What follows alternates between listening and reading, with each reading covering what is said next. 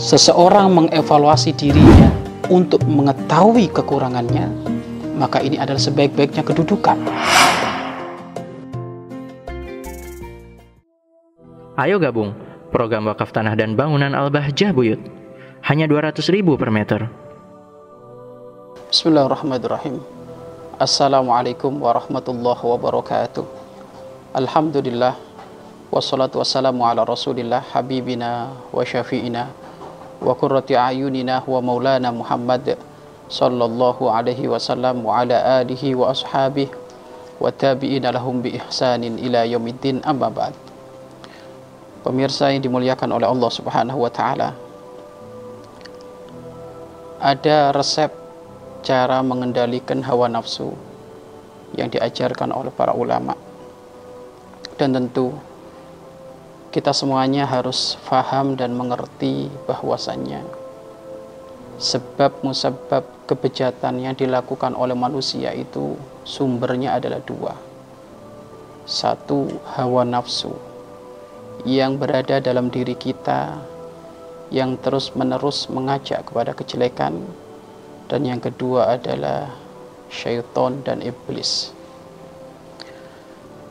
Maka cara mengendalikan hawa nafsu karena yang paling besar, paling berat di dalam godaan mengajak kejelekan itu hawa nafsu. Dibandingkan syaitan dan iblis. Cara mengendalikan hawa nafsu. Sesungguhnya hawa nafsu itu memerintahkan kepada kejelekan. Kita tidak bisa menghapus hawa nafsu dalam diri kita akan tetapi kita bisa mengendalikannya dengan satu banyak-banyak berpuasa. Dan yang kedua segera perangi jika hawa nafsu bergejolak. Dan yang ketiga berdoa memohon kepada Allah Subhanahu wa taala zat yang menguasai hawa nafsu. Pemirsa yang dirahmati oleh Allah Subhanahu wa taala hawa nafsu ini hal yang menempel ada di dalam diri kita yang senantiasa merongrong kita untuk berbuat kemaksiatan. Maka kita tidak bisa menghapus hawa nafsu, akan tetapi kita bisa mengendalikan hawa nafsu. Sehingga para ulama mengumpamakan bahwasanya hawa nafsu itu ibarat kuda liar. Hawa nafsu itu ibarat binatang liar. Binatang liar bukan berarti dia tidak bisa dijinakkan. Sangat bisa untuk dijinakkan. Akan tapi semuanya itu adalah butuh proses adanya hal-hal yang perlu diperhatikan di dalam kita mendekatkan diri kepada Allah Subhanahu wa taala. Apa saja proses tersebut di antaranya jika engkau bisa ingin mengendalikan hawa nafsumu, maka perhatikan kurangi jatah makanmu. Jadikan dirimu adalah orang-orang yang sering lapar. Berbanyak-banyaklah engkau puasa. Alhamdulillah syariat Islam termasuk adalah syariat yang sangat menganjurkan berbanyak-banyak puasa.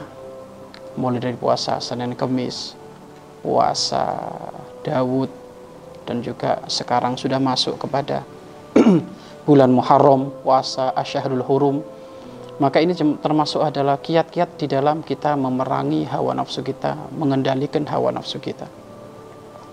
Kemudian yang kedua adalah setelah kita berupaya untuk mengurangi jatah makan kita alias banyak-banyak berpuasa maka yang kedua adalah di saat hawa nafsu mengajak kita untuk bermaksiat maka seketika itu kita perangi.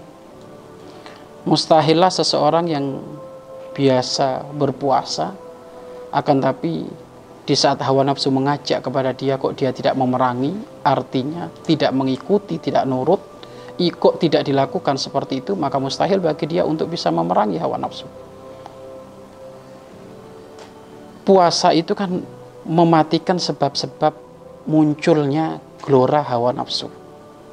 Akan tapi ini pun tidak akan serta-merta mematikan gejolak hawa nafsu, tidak. Maka tetap walaupun dia berpuasa, hendaknya harus mampu memerangi hawa nafsu. Mula-mula sangat berat, akan tapi kalau sudah terbiasa terperangi, maka semuanya akan menjadi ringan. Kebaikan itu mula-mula berat, namun kalau sudah terbiasa, semuanya akan menjadi ringan mendaki gunung itu jika pemula ya sangat berat, tetapi kalau sudah sering mendaki, gunung maka semuanya akan menjadi ringan. Maka pastikan jika bergejolak hawa nafsu kita, maka saat itulah kita harus memerangi hawa nafsu kita.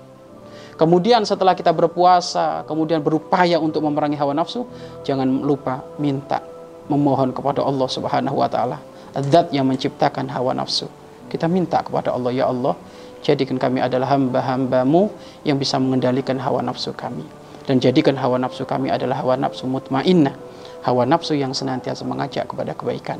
Pemirsa yang dirahmati oleh Allah Subhanahu wa taala, pastikan diri kita adalah orang yang mudah lapar, sering lapar agar supaya gejolak hawa nafsu kita tidak senantiasa nongol dan juga di saat hawa nafsu nongol maka segera perangi dan jangan lupa panjatan di tengah malam setiap selesai sholat mintakan kepada Allah untuk bisa mengendalikan hawa nafsu kita mudah-mudahan kita semuanya orang-orang yang memiliki hawa nafsu mutmainnah hawa nafsu yang mendapatkan ridho dari Allah subhanahu wa ta'ala Mari berinfak untuk operasional lembaga pengembangan dakwah Bahjah Buyut.